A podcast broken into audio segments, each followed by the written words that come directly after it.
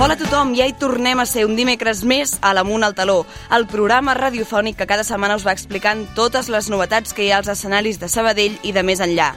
Després d'aquesta temporada nadalenca, com ja vam avisar durant els darrers programes, els pastorets de la ciutat de Sabadell han estat un èxit total per totes dues entitats. La joventut de la faràndula ha batut rècords amb 6.700 espectadors i el Teatre Sant Vicenç ha exaurit les entrades en la majoria de les seves funcions, situant també aquesta temporada al capdamunt del seu històric. Així doncs, des d'aquí només ens queda felicitar les dues entitats per fer-nos gaudir un any més d'un Nadal d'allò més teatral. Com sempre, doncs agrair la feina a les persones que han permès que aquest programa d'avui sigui possible. Ara, Laura Lozano a la producció, Toni González al control tècnic, el nostre apuntador que avui ens visita, Pol Juera, el nostre col·laborador més històric, Jaume Pont, i a les nostres col·laboradores més fidels de cada setmana, Júlia Stals i Elvira Frank. Gràcies a tots.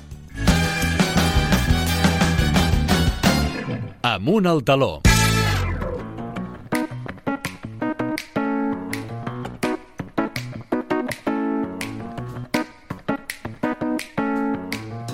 L'apuntador. Doncs, com dèiem, abans de repassar els continguts del programa, ja tenim a punt avui el nostre apuntador que ens porta informació sobre les dades teatrals de Catalunya d'aquest 2023, que de ben segur que us faran treure un somriure. Bon vespre, Pol, què tal, com estàs? Bon vespre, Carlota, com estàs? Molt bé, pel que sabem, el que ens portes avui són bones notícies. Sí, porto, Doncs som-hi. porto molt bones notícies Que bé, per tota que bé, la gent ens que li agrada, agrada el això. teatre. A veure, no és habitual, no és habitual que les xifres d'audiència de teatre es facin públiques al mes de gener, sinó que es fan públiques a l'inici de cada temporada, al mes de setembre, però ha dit que ha deixat parat l'indústria teatral i, i ens, ha, ens ha portat aquesta bona notícia que ara us explicaré. Amb aquest lema, el millor any eh, de teatre de la història, els teatres de Barcelona sanificaven la recuperació definitiva de la pandèmia, anunciant un rècord absolut tant d'espectadors com de recaptació. Han tancat, dic xifres, 2023 amb 2.845.000 15 espectadors i, a nivell de, de diners, 86 milions 79.885 milions d'euros de taquilla. Xifres que es diuen ràpid. Que es Però, diuen clar, ràpid. Que són gairebé 3 milions de persones en un any. que es diuen ràpid Déu-n'hi-do. i que costen molt de recaptar. I tant, o sigui, i no, tant. És important destacar això. Uh, això vol dir que uh, les sales de Barcelona han assolit un 60,43% d'ocupació, eh, una dada històrica també totalment.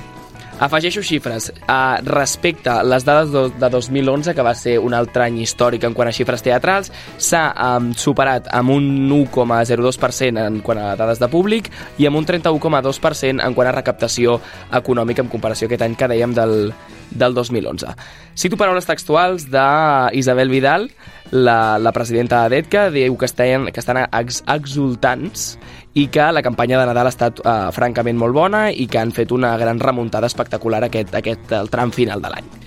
Per últim, Vidal també ha agraït el suport, que és important destacar-ho, de les administracions, ja que eh, el que ha permès aquestes grans dades ha sigut que el pressupost de cultura s'apropés llargament en aquest tan reivindicat per totes les 2%. associacions del 2%. Doncs res, és, és aquesta la gran Contents, bona notícia. Doncs, meravellós començar el programa d'aquesta manera. Perfecte, Pol, moltes gràcies. Gràcies.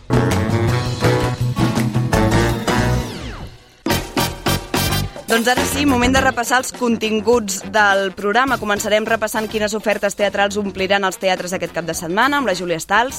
Parlarem amb les directores dels pastorets infantils del taller de teatre infantil de la joventut de la faràndula que es representaran aquest 27 i 28 de gener. Avui tenim al programa el nostre col·laborador Jaume Pont amb la seva secció d'entre talers i talons parlant encara i recuperant l'última secció del Centre Líric i Dramàtic. I acabarem, com sempre, amb la col·laboradora del programa, Elvira Frank, i els seus comentaris sobre tres muntatges de Barcelona, Andorra, el TNC, Winnipeg, el Vaixell de Neruda, al Teatre Poliorama i el contrari, a la Sala Atrium. Doncs ara sí, després de fer aquest repàs dels continguts del programa, aixequem el taló. Els dimecres al vespre, amunt al taló. A Ràdio Sabadell. La platea indiscreta. Doncs som-hi, agendes a punt, preparats per saber tot el que tenim a la ciutat aquest cap de setmana i per això primer hem de donar la benvinguda a la Júlia Stals. Bon vespre, Júlia. Bon vespre, Carlota. Doncs som-hi, anem a repassar el que tenim aquesta setmana. Doncs comencem al Teatre Sant Vicenç, que hi ha la Setmana Sant Vicenç. Una setmana plena d'activitats, molta rauxa i també seny. I diumenge a les 6 de la tarda, per última vegada, representaran Numinicidi, l'obra nadalenca que acaba aquest final de gener. Doncs Per tant, correm-hi a perquè no hi queden gaires entrades, No, tampoc. i la recomanem moltíssim, també. Sí. Sí, sí. Seguim a l'alternativa que representaran Standby aquest dissabte a les 7 de la tarda i diumenge a les 6 de la tarda. Perfecte, més coses, segur. A la bàscula interpretaran potser demà, divendres a les 9 de la nit, dissabte a les 8 del vespre i diumenge a les 6 de la tarda. Perfecte. Hi ha molts dies, diferents horaris, Sí, per eh? tant, en algun moment podreu. Cap on ens traslladem? Cap a l'Estruc, que presentaran Jueves Absurdos demà, dijous 25 de gener, a les 9 del vespre. Alguna coseta més? Sí, acabem a l'Espai Agura, que tenen en cartell Neuro, la fusió entre el mentalisme i la neurociència. Jo crec que títol interessant. Divendres a dos quarts de deu de la nit i dissabte a les 8 del vespre, fins al 3 de febrer. Perfecte, doncs, com sempre, si no hem pogut estar atents a totes aquestes informacions que són moltes, on us recuperem? Ho recuperem a l'aplicació Sincronitzats, disponible a iOS i a Android, i a la web de Sabell Cultura, com sempre. Perfecte, Júlia, o com sempre diem, tornant a escoltar el programa. I doncs tant. moltes gràcies, Júlia, per aquest repàs. Que vagi molt bé la setmana. Bona setmana.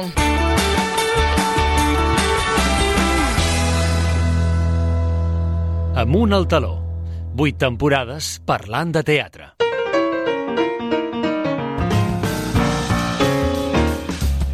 L'entrevista. Doncs avui podrem conèixer el muntatge, la direcció i la llavor del que segurament és el planter dels grans pastorets de la ciutat, com són els de la joventut de la faràndula. Avui parlarem dels pastorets infantils amb les seves directores, Ariadna Cirera, Paula Saura i Anna Carné, per saber com porten aquesta representació que estrenen aquest proper cap de setmana a l'Estruc. Benvingudes a totes tres. Gràcies. Hola. Gràcies. Uh, moltes gràcies primer per ser aquí, per poder donar a conèixer uh, aquest projecte tan important també també per la vostra entitat, però jo crec que per, per la història dels pastorets de, de la ciutat de Sabadell. La primera pregunta que volia fer és la primera vegada que esteu al capdavant d'aquest projecte? Sí, Sí. sí, sí. sí. De Sí, fet- normal, normalment nosaltres érem les que ajudàvem i col·laboràvem amb els monitors que dirigien cada any, però dirigir com a tal no ho havíem fet mai encara. I ja és contradició que cada any dirigeixin monitors diferents i no es repeteixi. Exacte. I com feu aquest, aquesta tria de qui s'hi posa al capdavant? Us ho proposeu vosaltres? Algú pensa en vosaltres? Simplement crec que és la gent que vol es presenta voluntària i a partir d'aquí es va generant com una cua de gent pues, que vol dirigir-los alguna vegada i és el que em va passar amb nosaltres, que vam estar com esperant, esperant fins que ens ha tocat. Creieu per això que ha sigut com el moment adequat per fer-ho també? Sí. Totalment, Sí, totalment. podria crec haver que, estat molt sí, pitjor. Exacte. Sí, i a part que poder també per al temps que portàvem sent monitores, també al final la complicitat que tenim a dia d'avui nosaltres tres potser no és la complicitat que teníem feia quatre anys quan ja érem monitores, llavors potser no hagués funcionat de la mateixa manera. Perfecte.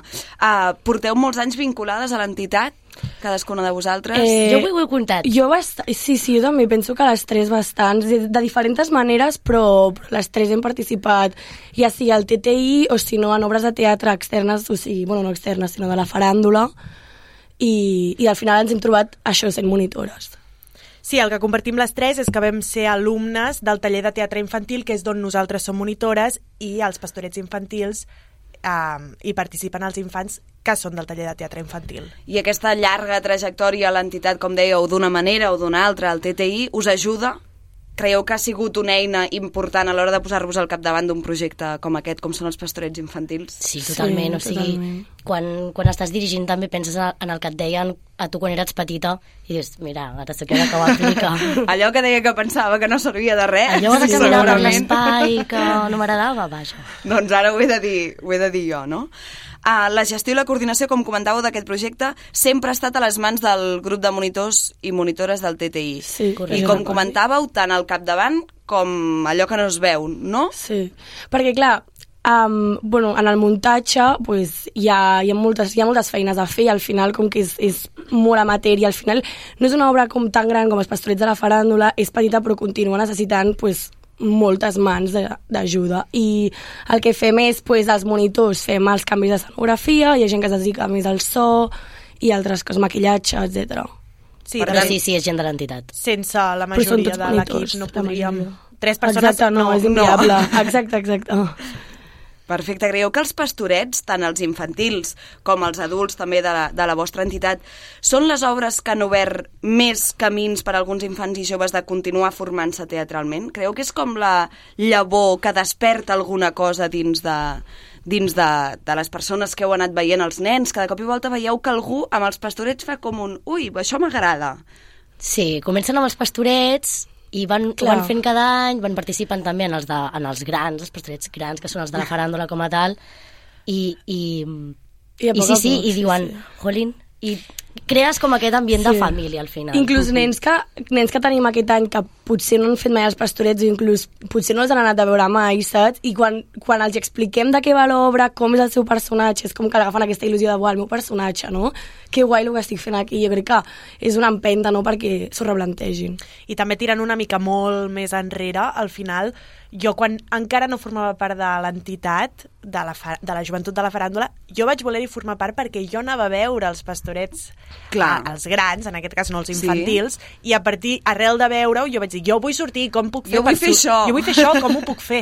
doncs entra a l'entitat. Sí, sí. I és quan vaig entrar És arrel que sembla que és una cosa sortir. comuna amb la gent que, que estem dins del món de teatre, que segurament molts dels inicis és els pastorets, com a espectador, com a pastoreta, cada cop i volta no saps com hi estàs allà i després ja hi vas rere any. I segurament si miréssim molts dels actors professionals o actrius d'avui en dia, el primer, la primera vegada que van pujar a l'escenari segur que és fent uns pastorets a l'escola, en un taller de teatre, 100%. en una entitat. Per tant, jo crec que el que teniu a les mans potser és el gran talent del futur de teatre català. Que tenim molts nens, eh? I n'hi ha Bueno. de molt bons. Home.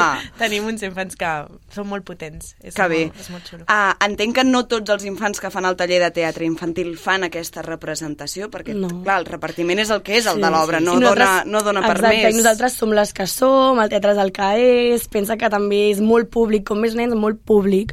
Llavors el que, estem fent, el que hem fet aquest any és tallar fins a una edat, és a dir, des de cinquè a primària fins a tercer d'ESO hem fet aquest any de cursos. Però tots els que es presenten al càsting els agafen per sortir en el projecte.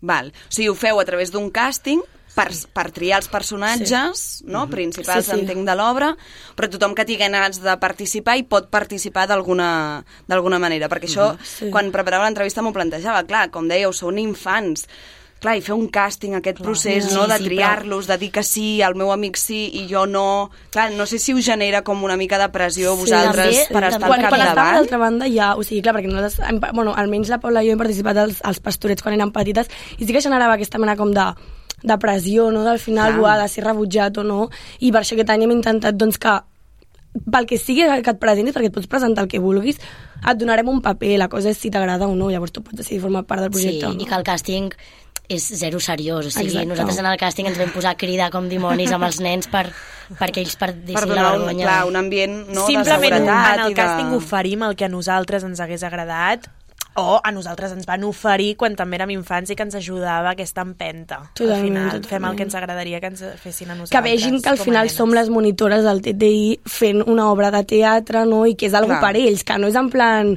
eh, la nostra obra que creem nosaltres i ja t'ho agafem i ja tu no, saps? És algo com per ells, junt, sí, és i un projecte ells. del, del taller de teatre. Perfecte. Quant de temps comporta la preparació d'aquest muntatge? es Doncs tapen mira, les cares per als oients que no ho aquest- esteu veient. Això vol dir que segurament molt. Aquest cap de setmana, crec que, que és quan estrenem infantils, farà un any que vam decidir que ho dirigiria, ho Déu-n'hi-do. dirigiríem nosaltres. Llavors, Sí, però- però, però no vam fer res en aquell estaves moment. molt tranquil·la. Però de dir, ara- bueno, bueno, això és el gener, no? I arribarà... I... Però No, les, aquest els mes està càstings sent- quan els vam Els fer? vam fer al, al maig o juny. Al juny, juny, juny. juny. Al juny, home. Déu-n'hi-do. De, del juny aquí. I vam fer el càsting amb una proposta creativa pensada. Va, que ja ens sí, havíem sí. reunit per dir, volem això, volem això. Clar. I un cop feu els càstings, es comença ja directament a treballar amb els infants? No, no, no, No. Es truca, o sigui, la gràcia és que els infants sàpiguen el personatge abans d'estiu. Sí. I llavors comences a assajar al setembre.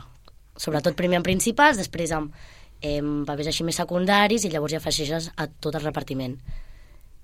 I aquest any també ha comportat més feina pel tema d'escenografia I teatre. i teatre que... Clar, Ho perquè pel que veig, aquest any ho feu en un espai diferent del que ho havíeu fet els últims anys. Sí. Ho feu a l'Estruc, i això, com deia, suposo que ha comportat un canvi en el pensament de, de com traslladar l'escenografia que teníeu, suposo, adaptada a un espai a un altre. L'escenografia, per començar, aquest És any nova. és nova, després de molts anys ens, ha, ens han Ja fet una tocava. escenografia nova que ja tocava i, i també és com també t'has de readaptar una mica a la Clar. nova proposta escènica i a part d'això, el ser a l'estruc, pel tema de l'aforament, s'ha hagut d'ampliar i en comptes de fer dues funcions es fan tres funcions, diumenge matí i tarda, i això ja comporta també per l'equip de monitors i pels infants i famílies Mm, una Déu-n'hi-do. readaptació horària una mica d'aquell fin de no només ja era intens, sinó que ara ho és Encara una mica més, més. en- encara sí, per més. al tema de llums i so, que és Sí, és diferent. tot diferent. Clar, la planta de llums és diferent. O sigui, s'ha d'adaptar la de als altres anys, llavors és més feina encara. Però bueno, Bueno, tot amb ganes, tot Arribem, amb ganes, arribem. perquè suposo que també doncs, aquests canvis o aquests canvis de plantejament sempre aporten coses noves que no s'havien fet fins ara i que segurament potser és la llavor de que es queda durant uns anys aquesta feina que, que feu vosaltres aquest Sí, any. sí. Um, clar, parlàvem, és una entitat que teniu els pastorets infantils, però a la vegada molta d'aquesta gent, d'alguna manera o altra, també està vinculada als pastorets grans de la joventut de la faràndula. Per vosaltres, com a directores, no sé si heu participat alguna vegada als pastorets Bueno, grans de la sí, sí. Cada any. Cada Cada any. any. Sí. Perfecte, és una font d'inspiració per vosaltres per després fer aquests Sí, pastorets totalment. infantils? és més Totalment. pels nens que per nosaltres, perquè a vegades estàs assajant i et ve el nen i et diu És que ai, és que això, sí." això ho hem fet a grans i ho podem fer i és amb... i tu li dius al nen home, ho pots adaptar perquè tampoc ens basem en fer una cosa molt igual Tampoc ens agradaria com agafar i copiar-ho, en plan, fer directament això. Sí que és veritat que, clar, Hi ha és, és que és- inevitable. En plan, vull dir, nosaltres hem crescut amb aquests pastorets, al final farem una versió petita que s'assembla moltíssim.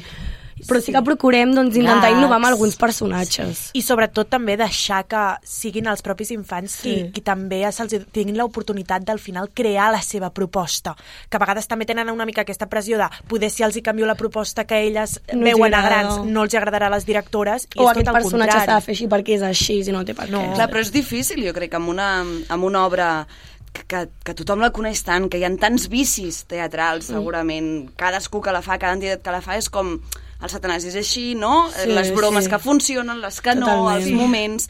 Quin marge de llibertat us preneu vosaltres i els infants per acabar fent una cosa semblant, però diferent, on però estiguin, nova? Jo crec que on estiguin còmodes ells mm, on, on ells sentin que, que, que sí ho estan entenent. Tampoc els hi farem fer alguna cosa superdifícil si no ho estan entenent. Llavors, crec que nosaltres vam partir una mica d'explicar-los la nostra idea, el que, que veiem, no? perquè fer-los fàcil al final. No? El Satanàs és un personatge molt complex, que per un nen potser no és fàcil d'entendre, saps? I explicar-li pues, les quatre bases i a partir pues, que tirés d'ell i tu en els assajos pues, vas veient on es sent més còmode l'infant i, i al final acaba sortint el personatge que ell ha fet. I també de, de, de, a partir d'assajar, perquè quan més assages, pues, pues d'una broma que has fet a l'assaig et surt un gag, que dius, Totalment. mira, ja està, una cosa nova. A part que les bromes que poder fan gràcia en uns pastorets grans, eh, potser fa gràcia que un Jeremies, que és un nen, ens fa gràcia un altre tipus de bromes. Exacte. Perquè és un nen. I a, la fami a les famílies els hi farà gràcia que un nen faci aquell Aquest. tipus de bromes que poder no fa el de grans. I que si el nen fes la broma que fa el de grans, No No funcionaria. no, saps? Vull dir, Clar. ens adaptem també una mica a l'edat, a l'humor segons l'edat que tenen. Clar. I a nivell de guió, teniu alguna adaptació feta? Perquè, clar, no sé si duren 3 hores aquests pastorets No, infantils. duren dues hores i, I vint, mitja. Ah, bueno, més o menys. I mm, l'adaptació és bastant antiga, l'únic que cada any se, es van com modificant coses i teníem l'obra ja versió infantil bastant des, desperlligada, en plan amb escenes per aquí, escenes per allà, i el que hem fet aquest any és ho hem ajuntat tot, l'hem digitalitzat i ara és com que sí que podem dir que tenim una versió dels infantils que en, es pot canviar cada any però que són cosetes molt petites. Sí, bueno, i a, a, a diferència dels grans, només hi ha dues escenes eliminades, crec que és a sopes i, i, i la de No, buscant és- no, posada. pròleg. Sí, part del pròleg i buscant posada. Buscant posada. Sí. Ah, és veritat. I, es, i que es, es, es retiren parts de text que són rellevants Frases, per, línies... per la història. Sí. Molt bé. I a nivell de, el que dèiem, escenografia, maquillatge, vestuari, tot això, eh, el, el reflex dels pastorets grans es veu, s'assembla, no s'assembla, és nou aquest any, com dèieu, per tant... Clar.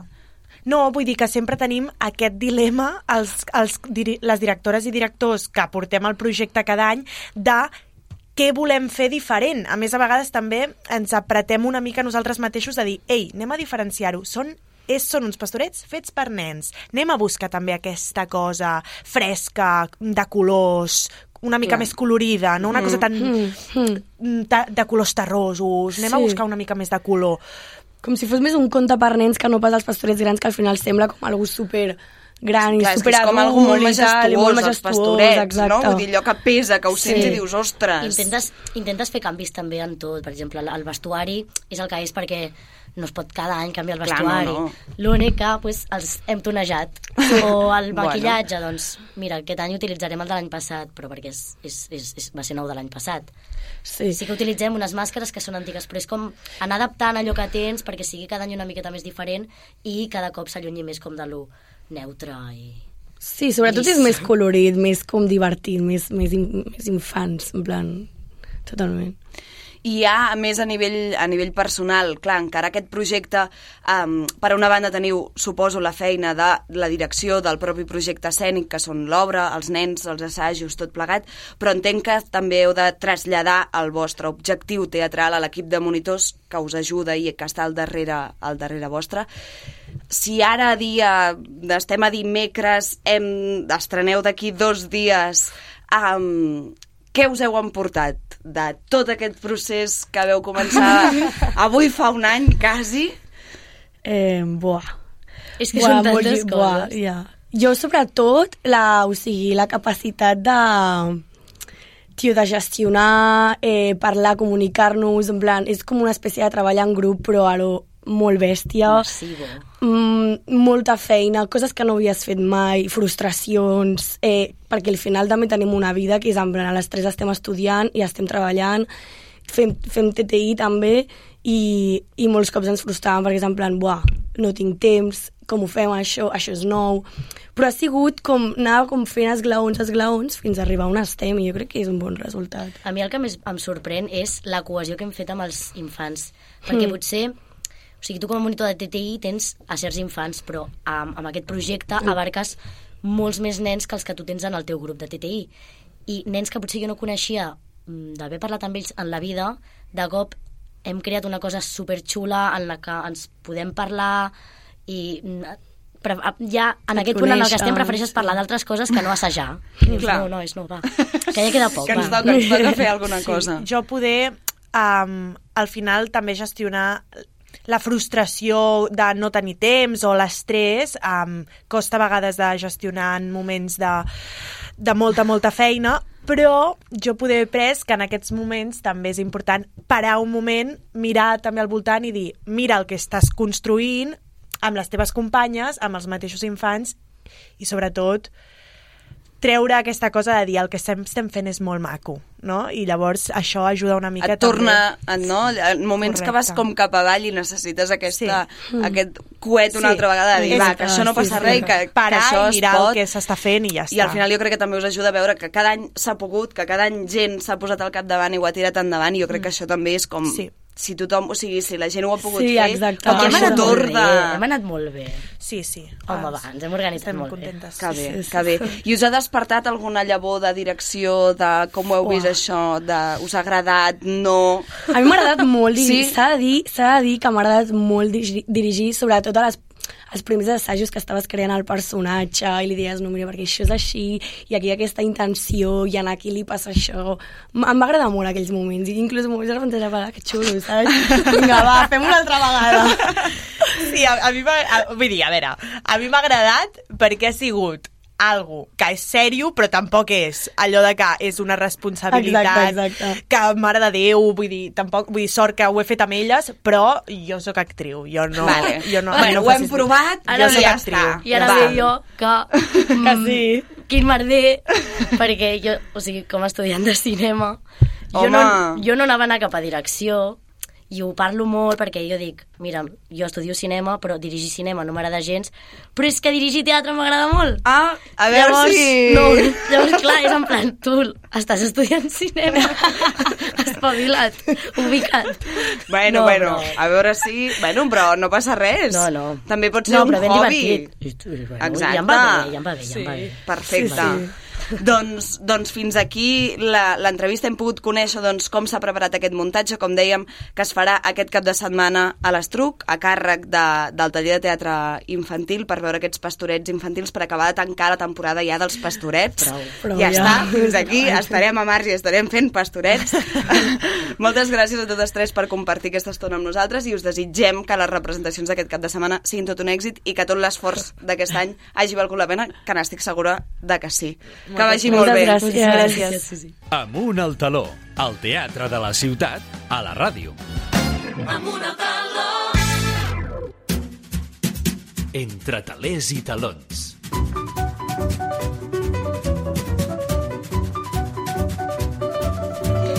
I després d'aquesta meravellosa entrevista sobre els pastorets infantils, passem a la nostra secció amb més història del programa de la mà del nostre col·laborador que junta dos dels mons que l'apassionen, la història i el teatre. Doncs avui en Jaume Pont ens continuarà parlant sobre algunes petites sales de la ciutat, com és el Centre Líric i Dramàtic. Bon vespre, Jaume. Què tal? Bon vespre, Carlota. Com estàs? Com estem? Bé, molt bé, doncs mira aquí, anar preparant coses per explicar sobre la història del Sembla que no Teatre hagin de Sabadell. sortir més coses i No, sí, cada sí. cop que, que vens al programa, coses noves, eh? Jo la veritat és que pensava que no, no, no, no me'n sortiria amb això i que, que ho acabaria de seguida, però és que la veritat és que quan vinc aquí em falta, sempre m'acaba faltant temps. I, I això, i veig que van sortint, van sortint coses, Perfecte, historietes per anar millor, explicant. millor, millor. Doncs vinga, comencem amb... Continues amb una cosa Exacte. que ja vas començar el programa passat. Exactament. El que vam, vam estar explicant, el, faig un breu resum per tornar-nos-hi a enganxar, eh, on havíem deixat el, el fil del, de, de, de l'explicació de fa, doncs, em sembla que ja fa un mes, ja gairebé, abans de Nadal i tot, eh, era, era que estàvem parlant de les petites sales. Fins ara havíem estat explicant doncs, aquests grans espais de teatre, doncs, el, el, el, el Colón, el Cervantes, l'Euterpa, tots aquests grans, eh, eh, grans teatres d'aquí de, de la ciutat de Sabadell, però eh, un altre, hi havia un contrapunt eh, més petit, més casolà, més precari, que, i, i també amb una ideologia també més d'esquerres, més progressista uh -huh. en molts dels casos. I que eh, se situava doncs, en cafès, en, en, en, a l'interior de cases particulars, que es muntaven No doncs, eren tarimes. espais teatres com a tal, sinó però es dir que- buscaven els seus raconets a la Exacte, ciutat per exacte. poder... Aquests llocs així una miqueta una mica més precaris, que alguns doncs, van anar progressant, com és el cas aquest del Centre Líric i Dramàtic, que vam començar a explicar l'altre, l'altre, l'anterior, vegada, no? l'anterior, entre talers i talons. Recordo alguns dels teatres per fer una mica de, de, dels més destacats, perquè són els que enllacen amb el, amb el Centre Líric i Dramàtic, el Teatre de Cal Liros, el de carrer Doctor Puig, aquí al costat de la ràdio, el Teatre Parrenyo, que estava en, en l'hotel suís, el que després va ser l'hotel suís, i eh, d'aquí van sortir doncs, eh, Valentí Gorina, Pere Martí Peidró, i aquests són dels que van fundar el que seria el Centre Líric i Dramàtic, que primer va començar doncs, eh, també en aquí en el mateix carrer. Doc- Doctor Puig, fins que es va traslladar cap al carrer Les Planes, cantonada amb el carrer Sant Pau, que és aquest espai que eh, ara és un bloc de pisos, com ha passat en molts En llocs. molts espais. Però segur que molts recordareu eh, que havia sigut un multisales, el, el, el cineart del carrer Les Planes, doncs aquell espai que, que i anteriorment, abans de ser un multisales, havia sigut el Teatre Alcázar, que si recordeu, quan vam parlar de la joventut de la faràndula, era l'espai que eh, on es va, on es va, on, on es va iniciar a la joventut de la faràndula i abans de ser el Teatre Alcázar s'anomenava el Teatre Esbarjo, abans de, o sigui, abans de la Guerra Civil, i abans del, del Teatre, Teatre Esbarjo era el, va ser la seu del Centre Líric i Dramàtic. I això estem Per parlant... tant, un espai amb molta història Exacte, artística. Exacte, que és curiós llarg perquè de- d'aquí no, he tro no he trobat inform... Bueno, hauria d'entrar segurament a anar, anar buscant més informació a l'arxiu o, o més profunditat, però com a mínim del que hi ha publicat jo no he sabut trobar doncs, la història d'aquest lloc, no? de, de, del que és el teatre, el, del que era el Teatre Alcázar. Um, i, i això, que, i del que va ser el centre líric i dramàtic que abans havia sigut el Teatre de l'Ateneu. Vol dir que va tenir tota aquesta progressió doncs, de tant de temps i això, ens situem doncs al, al 1900, a, a, a, concretament al, a, al 1900 es tras- el Centre Líric i Dramàtic s'instal·la el, 19, el 1898, o sigui, estem ben bé al tombant de segle, i recordeu que vam parlar l'altra vegada també que l'ob- l'objectiu o una de les finalitats principals de, de, del Centre Líric i Dramàtic reprenia, i que és el, el, el que avui bàsicament explicarem, eh, un teatre amb un to didàctic, amb un to progressista, amb un to de, de formació a les persones, amb la idea, de, sobretot als treballadors, amb la idea doncs, de que eh, estem en aquesta època de la restauració, en aquesta època de que és una monarquia eh, que, constitucional, que té un, tot i que hi ha un sufragi universal, està tot una mica manipulat a nivell doncs, eh, eh, social, hi ha totes unes idees doncs, de tipus eh, anarquista, socialista, uh -huh. que es van escampant entre la població. Per tant, estem en aquest moment d'aquesta ebullició i eh, el que és la idea era que a través doncs, del teatre era una eina per poder formar els treballadors per, per, perquè es poguessin convertir en uns bons ciutadans i poguessin eh, tenir una, bueno, un, un, un, un bon, o sigui, un bons ciutadans i saber doncs, eh, eh, digue, saber votar, saber Clar, sobre els o, o, seus tenir drets, coneixement exacte, suposo, sobre els seus també. drets, tenir coneixements doncs, eh, també polítics sobre, sobre això, no? i convertir-se en uns bons ciutadans en uns, Mhm. per crear un, un estat republicà, una república, i no doncs, amb ser súbdits d'una monarquia. És, aquest, aquest, aquesta, és el moment en què es van formant... Era l'ideal Exacte, d'aquest centre. I aquesta era la idea, i, i buscaven obres doncs, que tinguessin aquest punt de formació. I vam parlar l'altra vegada de que es va representar un dels exemples d'aquest tipus d'obra que es va representar en, en aquell moment, que estem això, a principi, concretament aquesta obra es va representar el 1906, una obra que es deia, que era d'Eugène Brie, en francès, Les Evergués, que traduït en català vol dir el, el, el danyat o, o el, el, el, l'avariat, que seria, no? Però el danyat. I, i parlava sobre, uh, sobre la sífilis. Era una obra que tractava la sífilis i abans del, del que va ser la representació es va fer una conferència de, de un, del doctor, d'un doctor que va mm, ensenyar doncs, mètodes uh, per prevenir les malalties de, de transmissió sexual. O sigui que Clar, estem en tema- 1906, clar, eh? Clar, clar, ens Vull dir situem en una època on segurament Clar. no se'n parlava en lloc més Exactament, temes. o sigui que explicar... Al contrari, es devia amagar moltes vegades. Exacte, exactament. I, de fet, aquesta obra es va representar aquí a Sabadell i no es va tornar a representar fins al 1929, Imagina't. al Ciervo, el, el Ciervo, eh, que és l'actual Sí, sí. el, el, el Teatre del Ciervo, doncs es va tornar a representar allà. Vol dir que, que realment era, era una, fi, una filosofia o una, o un concepte de, del teatre doncs de, de mirar de formar el- l'espectador. Um, i, i, en el, i el, un, altre, un altre exemple d'obra que es va representar també va ser l'Héroe, de Santiago Rossinyol, una obra que ara a nosaltres ens sembla, doncs la vam fer ara fa molt El poc al Nacional, normal. una obra molt normal, però que, és clar per aquella època en què, en què doncs, es defensava el pacifisme, en què parla, anava en contra de la guerra, en contra de l'imperialisme, de fet l'obra va ser prohibida en un primer moment uh -huh. i es va representar a Barcelona i després es va tornar a representar aquí en el Centre Líric i Dramàtic just quan estava prohibida. Per tant, una mica veure la, la, la idea aquesta doncs, d'això, doncs, d'un teatre compromès. A més a més, doncs, en paral·lel al Centre Líric i Dramàtic va aparèixer també una, una, altra, una altra formació, que era la, es va anomenar l'agrupació Ibsen. Va ser a partir de l'any 1905 i la van formar entre, entre altres entre diverses persones eh, Mateu Morral i Alvar Rossell que provenien de, eh, de, del món anarquista directament i eh, aquesta, l'agrupació Ibsen eh, estava adherida al que era la, un, un model de, de teatre d'acord una mica doncs, amb aquesta filosofia, uh -huh. però sí que hi ha una tendència política clarament doncs, eh, No anarquista. tant com a formació, potser més... Exacte, hi ha un contingut polític més potent eh, o més, més, més de, dedicat doncs, cap a aquesta vessant doncs, social i, i, i més anarquista eh, i, i esta, aquesta, l'agrupació Ibsen estava doncs, adherida al que era la, la, el grup Avenir de Barcelona, on hi havia Felip Cortiella, que també era una, un anarquista, que també estava eh, vinculat amb el món de, del, del, del, de, de l'escola eh, moderna, que també tenia una ideologia de lliure pensament sigui, que, que estava perseguit i, i entre les quals també havia Teresa Claramunt, que recordem que era una teixidora també de- d'ideologia anarquista sabadellenca, que fins i tot va escriure una obra de teatre, la Teresa Claramunt, que va ser representada per, per, per aquest grup Avenir de Barcelona, que es deia El mundo que muere i el mundo que nace, o sigui que Teresa Claramunt també va Exacte. escriure alguna obra de teatre, i eh, doncs això, el, el que era la- la- l'agrupació eh, Ibsen, d'aquí Sabadell, doncs tenia aquests vincles amb, amb, el, amb el teatre, amb l'agrupació Avenir de Barcelona, amb el Felip Portiella. I eh, hem d'explicar que aquest grup de, de, de llibertaris, bueno, anarquistes llibertaris, sí. Mateu Morral, o sigui, el director era Alvar Rosell, i Mateu Morral era l'apuntador.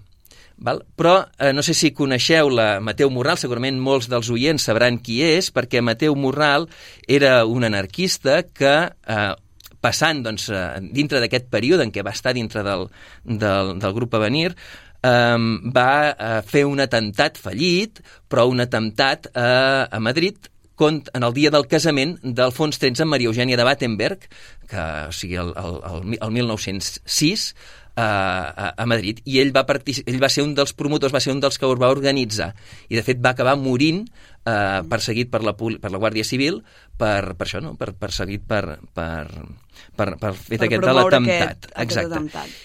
I eh, hem de dir que, per explicar una miqueta, per saber qui era Mateu Morral, que això era l'apuntador eh, d'aquest grup. Sí, sí. Mateu Morral era fill d'un industrial tèxtil republicà, o sigui, el mateix era un industrial, un fabricant, però el seu pare d'ideologia eh, republicana. republicana la seva mare, en canvi, per contra, era d'ideologia integrista, que estava doncs, amb en Cerdà Salvany, o sigui, per tant, era catòlica, molt d'església, amb una mentalitat uh -huh. contraposada. O sigui, havien de ser un matrimoni així curiós. Interessant.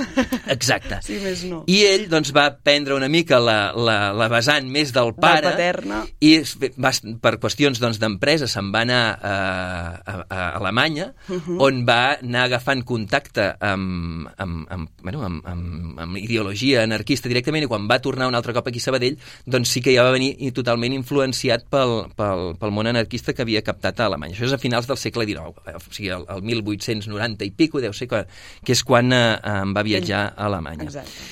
I al tornar aquí, doncs, eh, va, es va, va, va diguem-ne, entrar ja tot aquest entrar grup... en l'acció, també, exacte, en aquest grup anarquista. doncs, anarquista i en aquest, el que era en aquest grup d'Ibsen.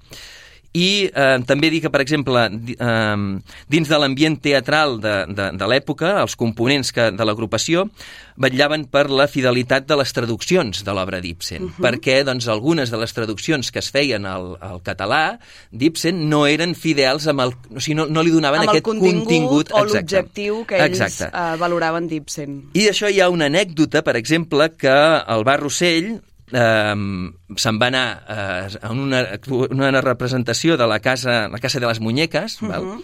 eh, que, que s'estava fent amb una traducció de Fula i Gurbide que no respectava gens l'original i eh, i, i que per tant no, no li donava el sentit llibertari ni de la, problem, la problemàtica de la condició femenina i per, per diguem-ne per atenuar doncs, el que missatge és el, aquest és el exacte, que és fonamental el fonamental de l'obra realment eh, per una mica satisfer doncs, el públic burgès que, que hi havia i eh, va situar, Mateu Moral es va posar entremig del públic i a mesura entremig de la platea i quan hi havia alguna cosa que no quadrava doncs es posava a, a, a picar, a donar cops de garrot, a xiular a mitja representació. Aquí, evidentment, el públic el va començar a increpar fins que, eh, fins que al final doncs, el van fer fora, fora. Del, del teatre, però una mica perquè veiem aquesta idea doncs, de que buscaven el, el contingut realment, doncs, eh, el contingut social que tenien les, les obres de teatre. L'agrupació obsidiana de, de Sabadell eh, recorria també doncs, diverses ciutats de, de, de la comarca i pobles de la comarca del Vallès, els dissabtes i diumenges infantils, hem de dir que eren, que eren, eren amateurs, vull dir que la majoria eren amateurs, i eh, segons ens conta Rossell també es va, van arribar a fer una representació al teatre a, a l'Euterpa, que va, va ser un, realment un, un èxit important, les, les, les representacions que van arribar a fer allà. I algunes de les obres que van representar eren obres d'Ibsen, obres de Mirbeau, obres de Hauptmann, que recordem que Hauptmann, per exemple, és l'autor dels Teixidors, aquesta mítica obra que el grup Tatxa, per exemple, i el Teatre Sant Vicenç doncs, han representat tantes vegades, que ja és aquest, aquest, aquest fet de la lluita, de la revolució, doncs una mica eh, aquest era el tipus de teatre que, que representaven. El teatre també, teatres d'autors catalans, com ara Ignasi Iglesias, que també és eh, té aquest tipus de teatre doncs, també amb, amb contingut social. I, en fi, eh, fins aquí el, el, que, el que volia comentar doncs, d'això. Continuarem més endavant perquè hi ha més, més, hi ha més hi ha contingut. Més. Sí, tenim més contingut. Així que el Centre Líric i Dramàtic, a partir, a raó de, de, realment, a partir del fet aquest doncs, de, de, de l'atemptat de Mateu Morral contra Alfons XIII, que va ser un cop molt, molt fort aquí a Sabadell, perquè imagineu-vos doncs, el Clar. que va suposar doncs, que un sabadellenc hagués intentat fer un, un, això, un atemptat no, contra el rei. Doncs eh, el que va suposar també va ser un, un, una, un descrèdit en la mateixa entitat del Centre Líric i Dramàtic uh -huh. i a partir de 1906, de fet, van perdre, van haver de deixar, suposo que deurien estar de lloguer, en aquest espai doncs, del, del... del Teatre de l'Ateneu, en el carrer les Planes, ho van haver de deixar, i es van traslladar doncs, provisionalment en el cafè de l'Auterpa doncs, per anar promovent, eh, continuant promovent les activitats, però sí que és veritat que segurament els hi deurien baixar els associats, i al final, el 1900, eh, el 1909, doncs van, van haver, haver de, de tancar, de tancar eh, aquesta entitat, eh, va haver de tancar doncs, el, el, la seva activitat. Doncs fins aquí la, la història que volia explicar-vos avui. avui, eh? Sí. També perquè lligant és xulo veure també com, a, com la història de Sabadell o d'aquests centres al final també s'influencia amb, amb altres espais de, del país i s'entén com aquest conjunt de, de centres teatrals. Exacte. I deixa'm dir una cosa I ja tant. per, per lligar-ho, perquè al final sempre m'agrada una mica que no quedin les coses en el passat, sinó que intentar lligar-ho amb l'actualitat. Dir que a Sabadell aquest, aquest cap de setmana s'obrirà un, o s'inaugurarà, de fet ja existeix com a tal, però s'inaugurarà l'espai del Tallaret, que una mica és una entitat que té una, una mica els mateixos objectius de, de formació, que té un cert regust polític, no? doncs de formació cap a, cap a la ciutadania i cap, a, cap als treballadors i la, i la gent. No tan encarat popular. potser només a nivell no teatral, només en teatre, sinó més en sinó general. amb altres exacte. disciplines o, o altres activitats socials, però sí que és veritat que al final totes les, totes les ideologies acaben trobant el seu espai en tots els moments de, de, de l'època i de la història, per tant, aquests espais continuen, continuen actius o vius en altres, en altres entitats. Doncs sempre és fantàstic el que dèiem, fer aquest recorregut en el temps i anar coneixent la història que ens porta al final, a dia d'avui, com està uh, configurada uh, teatralment la nostra ciutat. Doncs Jaume, ens veiem a la propera i coneixem més, més sales de la ciutat. Moltes gràcies, que vagi bé. Gràcies a vosaltres. Posa't al dia de l'activitat teatral de la nostra ciutat a Ràdio Sabadell.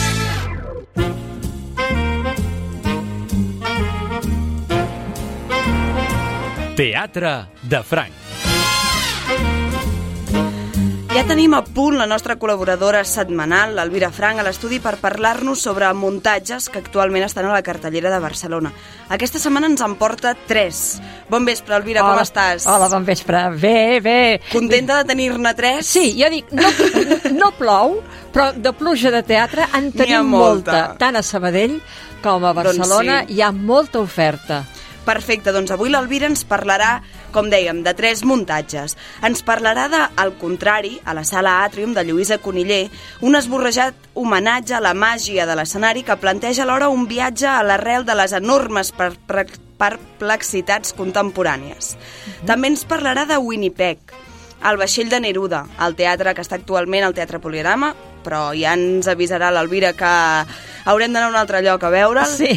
que és un cant a la llibertat i a l'esperança donant veu a la història de tots aquests exiliats i exiliades que es fan anomenar o s'han dit els fills de Neruda. I tant. I també ens parlarà d'Andorra, el Teatre Nacional de Catalunya, una història que parla sobre els orígens i els prejudicis sobre la identitat que ens fem de les persones. Sí, Elvira, per què comencem? Comencem per Andorra? Doncs mira, aquesta mateixa. Comencem per aquesta. Perfecte, doncs endavant. Doncs Andorra, de Max Frisch, com has dit tu, a la, al TNC, a la sala petita, una obra de l'escriptor i arquitecte suís que ha traduït Xavier Torrella amb direcció d'Ester Nadal.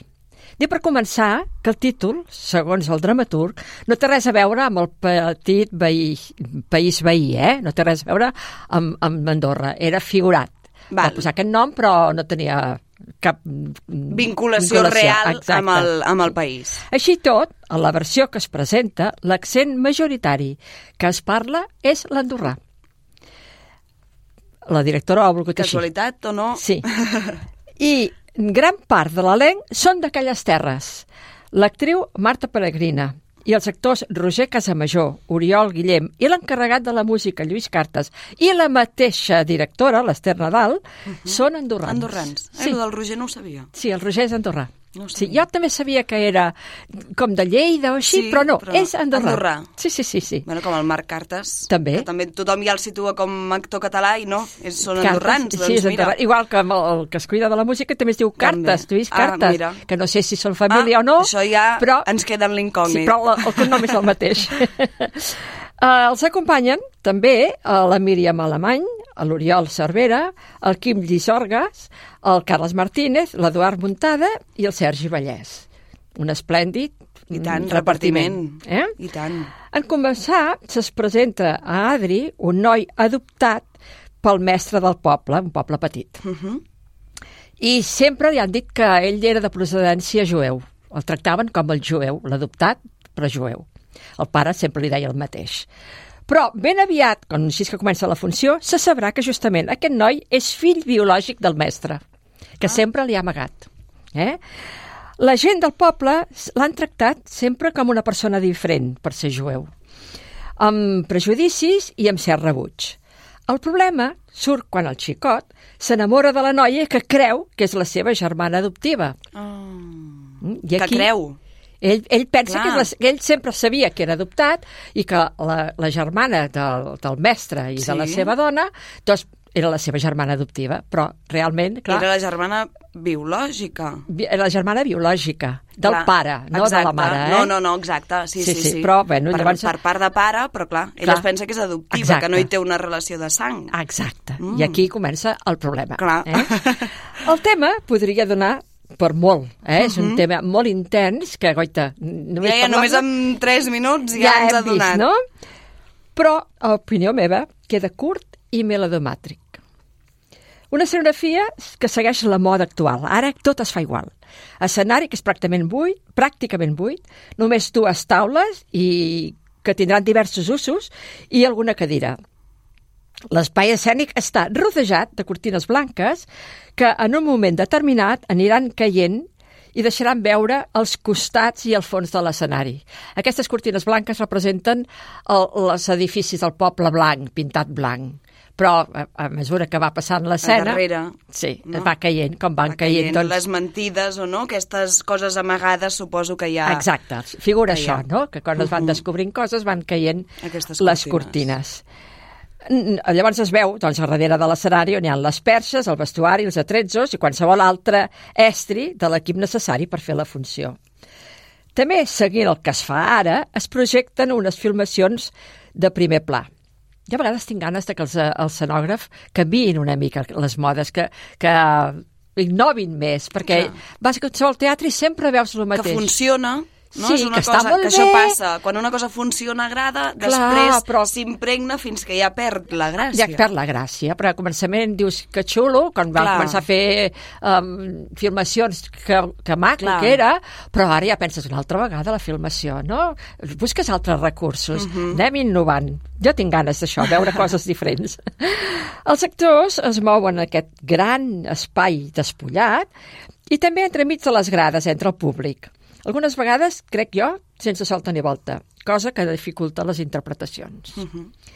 En general, les actuacions són força bones, principalment les dels actors més veterans, però estan sotmesos en el que la directora els ha marcat i les acotacions del mateix autor, que eh, va ser ell que va dir que volia que els actors es movessin pel públic. Va. Però clar, un, problema, un, un tema tan intens i que sentis la veu de darrere, que t'hagis de girar, que parla amb el de davant, mm, queda com per mi com pobre, com, no, no, no em va convèncer.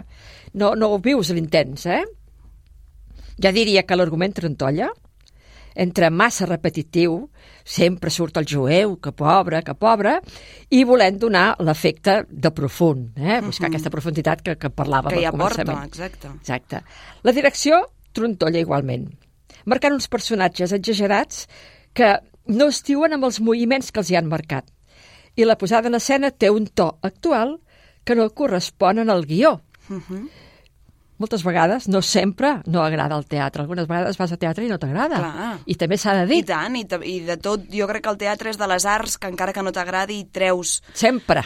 Alguna cosa i, i al final Clar. sempre, sempre Això no vol dir que és una proposta que s'ha de veure i així es podeu opinar, perquè hi ha Exacte. persones que potser els agrada. Totalment, i Eh? tant, i tant. Aquesta obra estarà en cartells fins al 28 de gener, o sigui, fins diumenge. Doncs aquesta setmana encara algú pot anar-hi a veure si està d'acord o no amb l'opinió de l'Elvira. per contrastar opinions. Exacte. doncs som-hi, amb què continuem, Elvira? Doncs continuem per el, el contrari de Lluïsa Coniller, Perfecte. a la sala Atrium. Interpretada per la Berta Giraut i l'Antònia Jaume, amb la curada direcció de l'Albert Arribas. Fa un parell de setmanes parlàvem amb el Bernat Paraja, Pareja de la gran capacitat del director, de l'Albert Ra- Ribas, i de la dramaturga, eh, Lluïsa Coniller, que, I que és boníssima. Eh? Una gran dramaturga. I tant. I tant. Uh, vam comentar la funció del gos, eh? que ja et dic que és de la mateixa dramaturga. Bé, doncs avui tornarem a parlar d'aquest fantàstic binomi Coniller-Arribas. Mm, La Ribas ara es dedica bastant a obres de Coniller. Abans era el Xavier Albertí, Sí. però ja, saps que l'Albert Arribas era l'ajudant al TNC de, Del- del Xavier del Albertí. Xavier. I ara sembla que l'hagi hagi agafat, no? El relleu. El relleu. Bueno, això és, això és xulo, perquè a vegades aquesta transmissió de maneres de treballar, de dramaturgs que t'agraden i tot, es- també es transmet, suposo, amb la gent que treballes I tant. i que tens ganes d'explorar-ho tu mateix. Sí, sí, I és una persona ara. jove, el director és Clar. jove, i té ganes d'això, com dius, d'explorar, de, de crear, no? Exacte. I ha trobat, doncs, a la Lluïsa Coniller que... Que ho permet, tant, que, ho- que li permet i fer. Els seus escrits ho permeten. I tant, eh? i tant, i tant. Tal com he dit, el títol és el contrari. Potser perquè el seu argument és antagònic a com voldríem que funcionés el món del teatre. L'Antònia Jaume interpreta la directora i actriu d'un teatre de poble, un teatre tronat. Eh? Ella està preparant l'obra que vol que sigui el, el seu gran èxit i també la reconstrucció d'aquest teatre tan vell. Vol reconstruir l'edifici i vol portar una obra de teatre amb qualitat. Però les ajudes pressupostàries per arreglar el teatre no acaben d'arribar. La visiten unes persones estrafalàries, una escenògra realista, molt dient que ell ho sap fer molt bé, una dona que parla diferents llengües i la seva germana, que és justament l'alcaldessa del poble, i la tabala amb raonaments inútils. La dràstica solució d'aquesta actriu i directora que se li acut és cremar-ho tot. És una dona alcohòlica, una dona doncs, eh, amb alts i baixos, i diu, doncs jo ho cremo tot i aquí s'ha acabat. Mm? Uh, hi ha altres personatges també, tots femenins, que interpreta deliciosament l'actriu Berta Girau.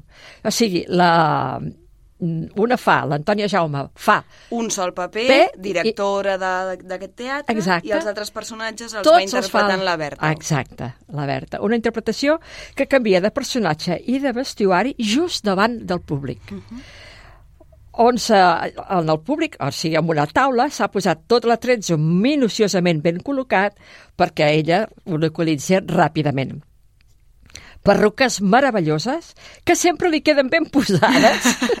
Bueno, Malgrat suposo que molts assajos, no? I molta molt, pràctica. Perquè és que no té ni un mirall per mirar-se. Imagina't, no, no, Es no, posa ho ha de tenir innat, Però ja. molt, es posa d'esquena, es posa la perruca, es gira I ja i està. penses, però que ben posada, saps?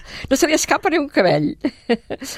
I un vestuari imaginatiu, una mica exagerat, amb unes ulleres conjuntades amb la roba que acaben de donar aquest toc surrealista, diguéssim, eh? I, sobretot, diferents... parla ella amb diferents accents del català, que ell, que la Girau ho diu amb perfecció. El mallorquí, eh, l'andorrà, el valencià, el català central i una mica l'italià també. Eh? Un altre fa l'altre personatge més italiana. Tots els fa perfectes. Una obra plena de frases precioses, amb un vocabulari ric i moltes vegades punyent, que carrega contra el món del teatre, ridiculitzant aquests escenògrafs incompetents o les actrius cregudes i les secretàries ineptes. I, per descomptat, una crítica directa a les administracions i a la poca ajuda que rep la cultura i, concretament, al món del teatre. Una proposta original que ens fa reflexionar sobre el per què del teatre. No del teatre com a tal, sinó sobre el per què és tan important en la vida de les persones el teatre. Per què necessitem eh, el teatre, les persones? Un deliri teatral amb un punt còmic irònic, amb paròdies incloses, marcades per una boníssima direcció, tal com he dit abans, de Ribes. En aquesta obra s'ha estrenat temporada a la Sala Atrium després d'un temps de pausa amb la idea de renovar i ampliar els seus equipaments.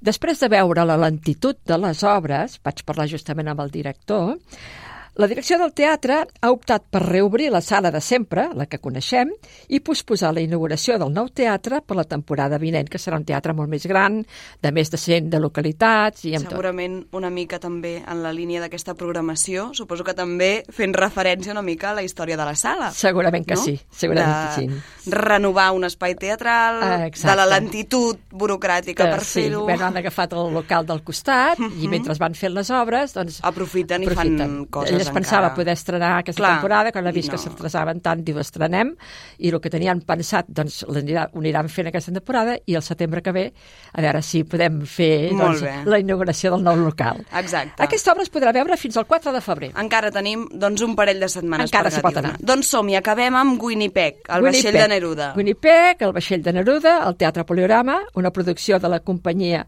Pus Espectacles i la Jarra Azul, una obra escrita per Laura Martel, que després de publicar un llibre de còmics amb aquest argument, també ha col·laborat amb la producció i la dramatúrgia. Una emotiva i original representació dirigida per Norbert Martínez, que la setmana que ve tornaré a parlar d'una altra obra dirigida per ell, i deliciosament ben interpretada per Laia Albec, Laura Maria González, Martí Salvat i Edu Tudela. Jo desconeixia la història real del vaixell de Pablo Neruda, Premi Nobel de Literatura 1971, que va ser designat cònsul especial per la immigració espanyola a París. L'any 1939, junt amb el Abraham Ortega, ministre de Relacions Exteriors de Xile, es van cuidar de portar a l'exili amb el vaixell Winnipeg a 2.200 represaliats espanyols que havien fugit de la guerra espanyola i d'Espanya, la repressió, anant a parar primer a camps de concentració francesos. Persones que no tenien res. Alguns vi havien viscut a les platges d'Argelers, que això sí que en sabem. Exacte. Eh? Passant fred, gana i malvivint. Molts d'ells havien perdut els seus éssers estimats.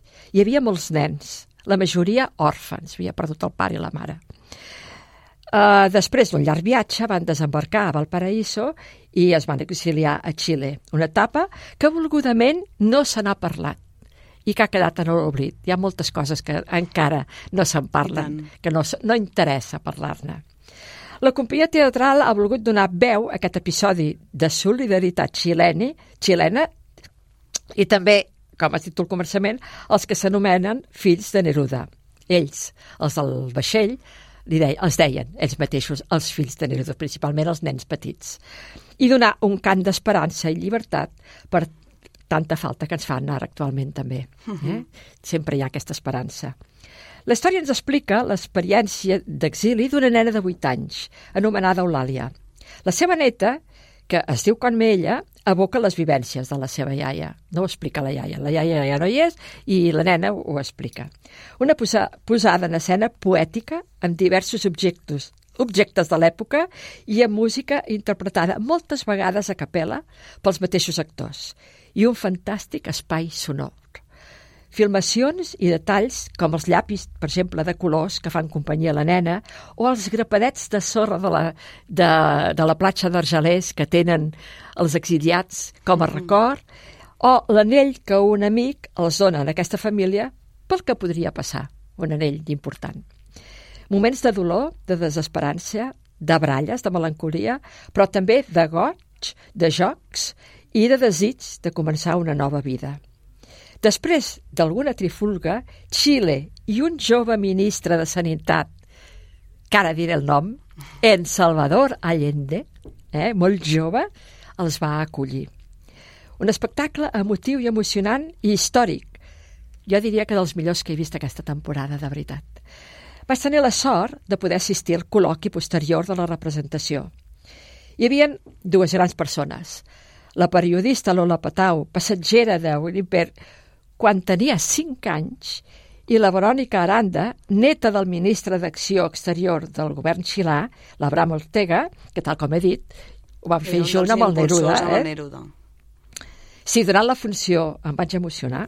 Encara més em va arribar al cor les paraules de les dues dones i algunes de les persones, persones presents a la platea que eren familiars dels nens i nenes que també van omplir aquell vaixell. Sol, aquell vaixell solidari, que en paraules de la Patau, de la periodista, va ser una gran aventura per ella, una nena tan joveneta, Clar. per ella era una aventura. Una obra que justament ahir van acabar les representacions al Teatre Poliorama, però que estava previst fer gira en el nostre territori. Esteu atents, per si la representen aquí a prop, i us recomano que no se la perdeu. Doncs apuntadíssim, apuntadíssim aquest, aquest apunt de, de Winnipeg per, per buscar algun territori que ens, quedi, que ens quedi prop on facin la gira. Exacte. Doncs perfecte, Elvira, moltes gràcies una setmana més per les teves recomanacions teatrals i ens veiem la setmana vinent. A vosaltres, Que vagi bé, bona adéu-siau, setmana. Bona setmana.